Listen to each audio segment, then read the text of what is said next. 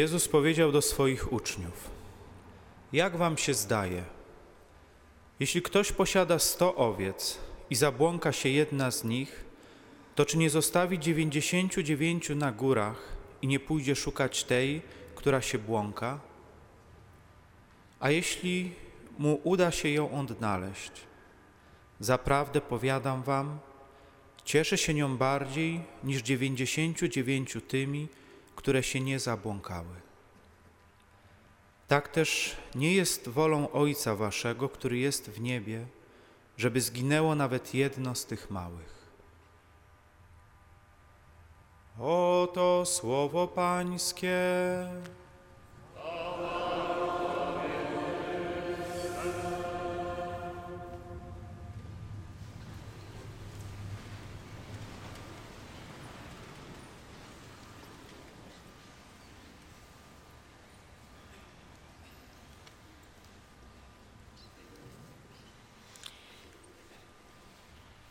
Czas Adwentu to jest czas nawrócenia, a nawrócenie w pierwszym znaczeniu tego słowa, nawet etymologicznie, oznacza zmianę sposobu myślenia. Nawrócenie to metanoia, od greckiego słówka metanoin, czyli po prostu przekroczyć swoje własne myślenie, zmienić swój sposób myślenia. Na tym się nie może skończyć. To znaczy na, na zmianie myślenia nawrócenie się nie może skończyć, ono się nie może zamknąć w obrębie naszej czaszki ale od, od, od zmiany myślenia musi się zacząć. Jeżeli się nie zacznie od zmiany myślenia, to bardzo często ktoś, kto ma nawet dobrą wolę, będzie biegał po swoim życiu z jakimś szaleństwem w oczach i starał się coś zrobić, ale nie bardzo będzie wiedział co i nie bardzo będzie wiedział kiedy i nie bardzo będzie wiedział w jaki, spo, w jaki sposób. Człowiek, który nie zaczyna od nawró nawrócenia, od zmiany myślenia, przypomina trochę jak kogoś, kto wchodzi na bardzo wysoką drabinę i na przedostatnim szczeblu się orientuje, że ta drabina nie jest przystawiona do żadnego muru i kończy się jak w kreskówce. Dramatycznie. Każde nawrócenie musi się zacząć od zmiany myślenia. I wczoraj mówiliśmy sobie o pierwszym sposobie zmiany myślenia, o tym, co musimy zmienić w naszym naturalnym podejściu, w naszym naturalnym sposobie myślenia, żeby się dostosować do Ewangelii. Kto z Was był wczoraj, to to pamiętacie. Chodziło o to, że normalnie w takim naszym potocznym myśleniu bardziej wierzymy temu, co widzimy, niż wierzymy, widzimy temu, co słyszymy. A w płaszczyźnie wiary jest dokładnie przeciwnie. Najpierw musimy uwierzyć temu, co słyszymy, żeby w ogóle zobaczyć cokolwiek. To jest pierwszy krok w stronę zmiany naszego myślenia. Nawróćcie się duchem w myśleniu waszym, jak powie, jak powie święty Paweł. A dzisiaj drugi krok – być może prostsze, ale niewątpliwie e, jakby zła tendencja, czy, czy nie ewangeliczna tendencja tkwi jeszcze głębiej, ta dzisiejsza tendencja, niż ta wczorajsza. Otóż zwróćcie uwagę, że w całej Ewangelii, jak sobie przeczytamy od samego początku Ewangelię do samego końca, ale w Starym, w Starym Testamencie również, e, Pan Bóg nas uczy liczyć na nowo. Pan Bóg sprawia, że znaczy nakazuje nam na nowo nauczyć się liczenia bardzo różnych rzeczy. To, co nam się wydaje, że jest mało, każe nam traktować jako wiele, to, co nam się wydaje, że jest wiele, to y, każe nam traktować jako mało. No w każdym razie, jakbyśmy popatrzyli na to, co Pan Jezus z nami robi jako nauczyciel, czy co Duch Święty w Starym Testamencie nam pokazuje jako nauczyciel, to powiedzielibyśmy, że to jest bardzo dziwny sposób liczenia. U Pana Jezusa to macie wielokrotnie, no już takie naj, najprostsze przykłady, dwa grosiki tej ubogiej wdowy. Pięć chlebów i dwie ryby, które okazują się wystarczające, żeby nakarmić wiele, wiele, wiele e, tysięcy. Miny. Bardzo różne rzeczy Pan Bóg każe nam w Chrystusie liczyć inaczej niż my byśmy je potocznie liczyli. I tak samo jest z tą dzisiejszą przypowieścią. 99 i ta jedna owca. Każe nam policzyć Pan Jezus tą sytuację tak, że ta jedna owca waży więcej niż 99. Dziwny sposób myślenia. Dlaczego warto na to zwrócić uwagę? Słuchajcie, bo my naturalnie, w sposób zupełnie odruchowy, w swoim sercu mamy dokładnie przeciwstawną tendencję. Po pierwsze, my myślimy bardzo ilościowo, a po drugie, myślimy większościowo. Chociażby dlatego, że świat, w którym żyjemy, jest światem demokratycznym. I nie ma w tym oczywiście nic złego. Ale świat demokratyczny ma to do siebie, że ta większość się bardzo liczy. Że ta większość ma bardzo mocne, bardzo mocne przełożenie na wszystko, co się, co się dzieje. I nie chodzi mi tu wcale o wybory polityczne, zapomnijcie o tym, jest za wcześnie rano, żeby o tym mówić. Nie, nie, nie. Chodzi mi o takie rzeczy, jak macie na co dzień. Hmm? Co powie większość, jak większość myśli, jak się do tej większości dostosować. Może zróbmy ankietę, przepytajmy większość, żebyśmy mogli zrobić dokładnie tak, jak większość chce i tak dalej, i tak dalej, i tak dalej.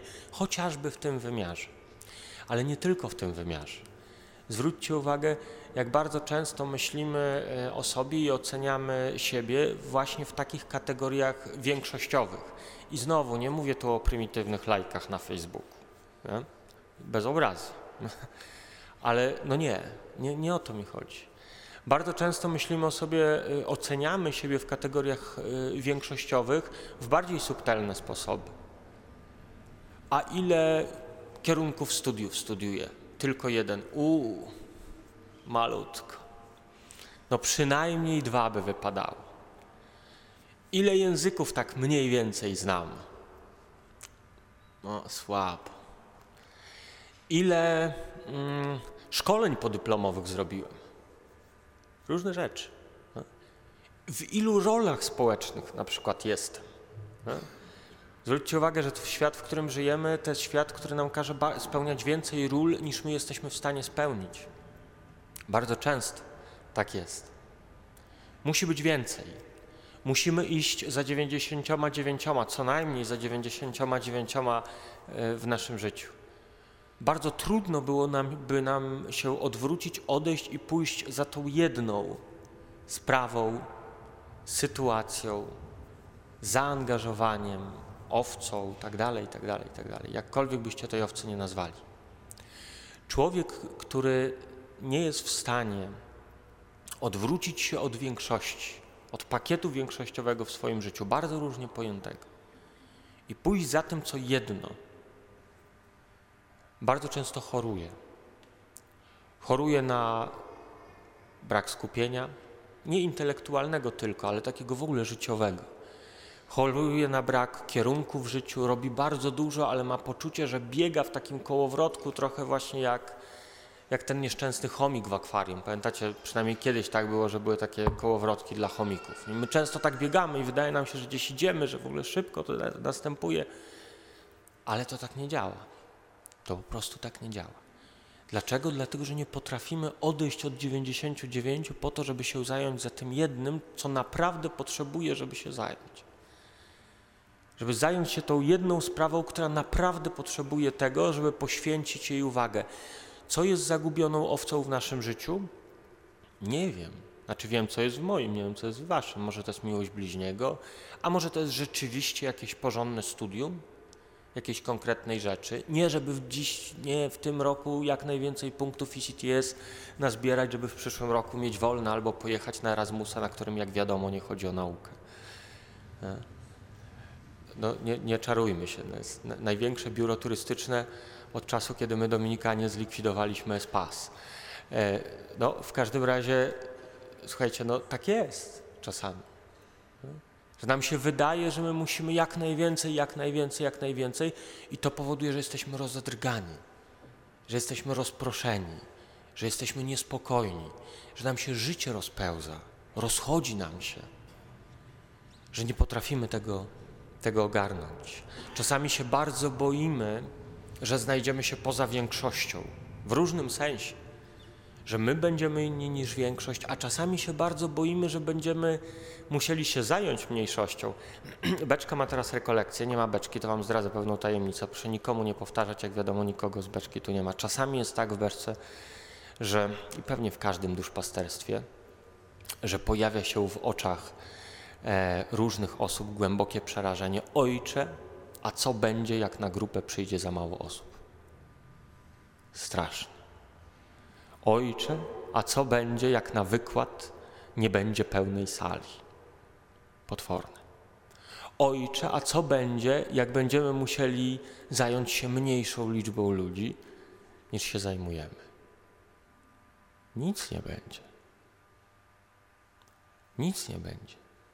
I w naszym życiu też nic złego się nie stanie, jeżeli będziemy musieli na chwilę spuścić z oka te 99 owiec. Pan się nimi zajmie. Spokojnie. My się zajmijmy tym, co jest w naszym życiu zagubione.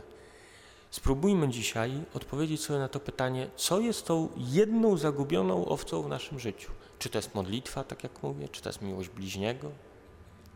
Może się zajmujemy tysiącem rzeczy, a się nie modlimy? Może mamy tysiąc znajomości, a zaniedbujemy miłość bliźniego, do której jesteśmy zobowiązani przez Ordo Amoris, przez porządek miłości? Może naszym bratem, siostrą, matką, ojcem, kimkolwiek? Nie wiem. Może zaniedbana w naszym życiu, zaniedbaną owcą jest pewna solidność w studiowaniu. Robię tysiąc kursów, nic nie umiem.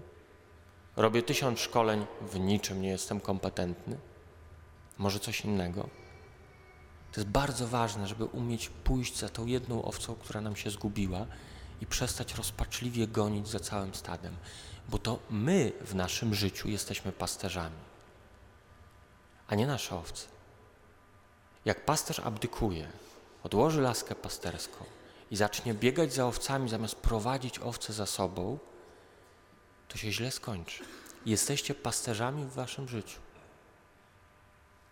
Macie sprawować urząd pasterski w waszym życiu.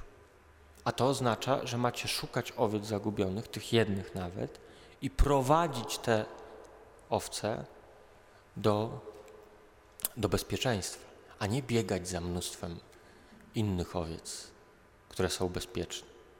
Przestańmy w naszym życiu biegać za owcami, za sprawami, za różnymi rzeczami, tylko spróbujmy ratować to, co wymaga uratowania. I o to dzisiaj prośmy. Do Pana Boga przez wstawiennictwo świętego Mikołaja zanieśmy wszystkie nasze prośby.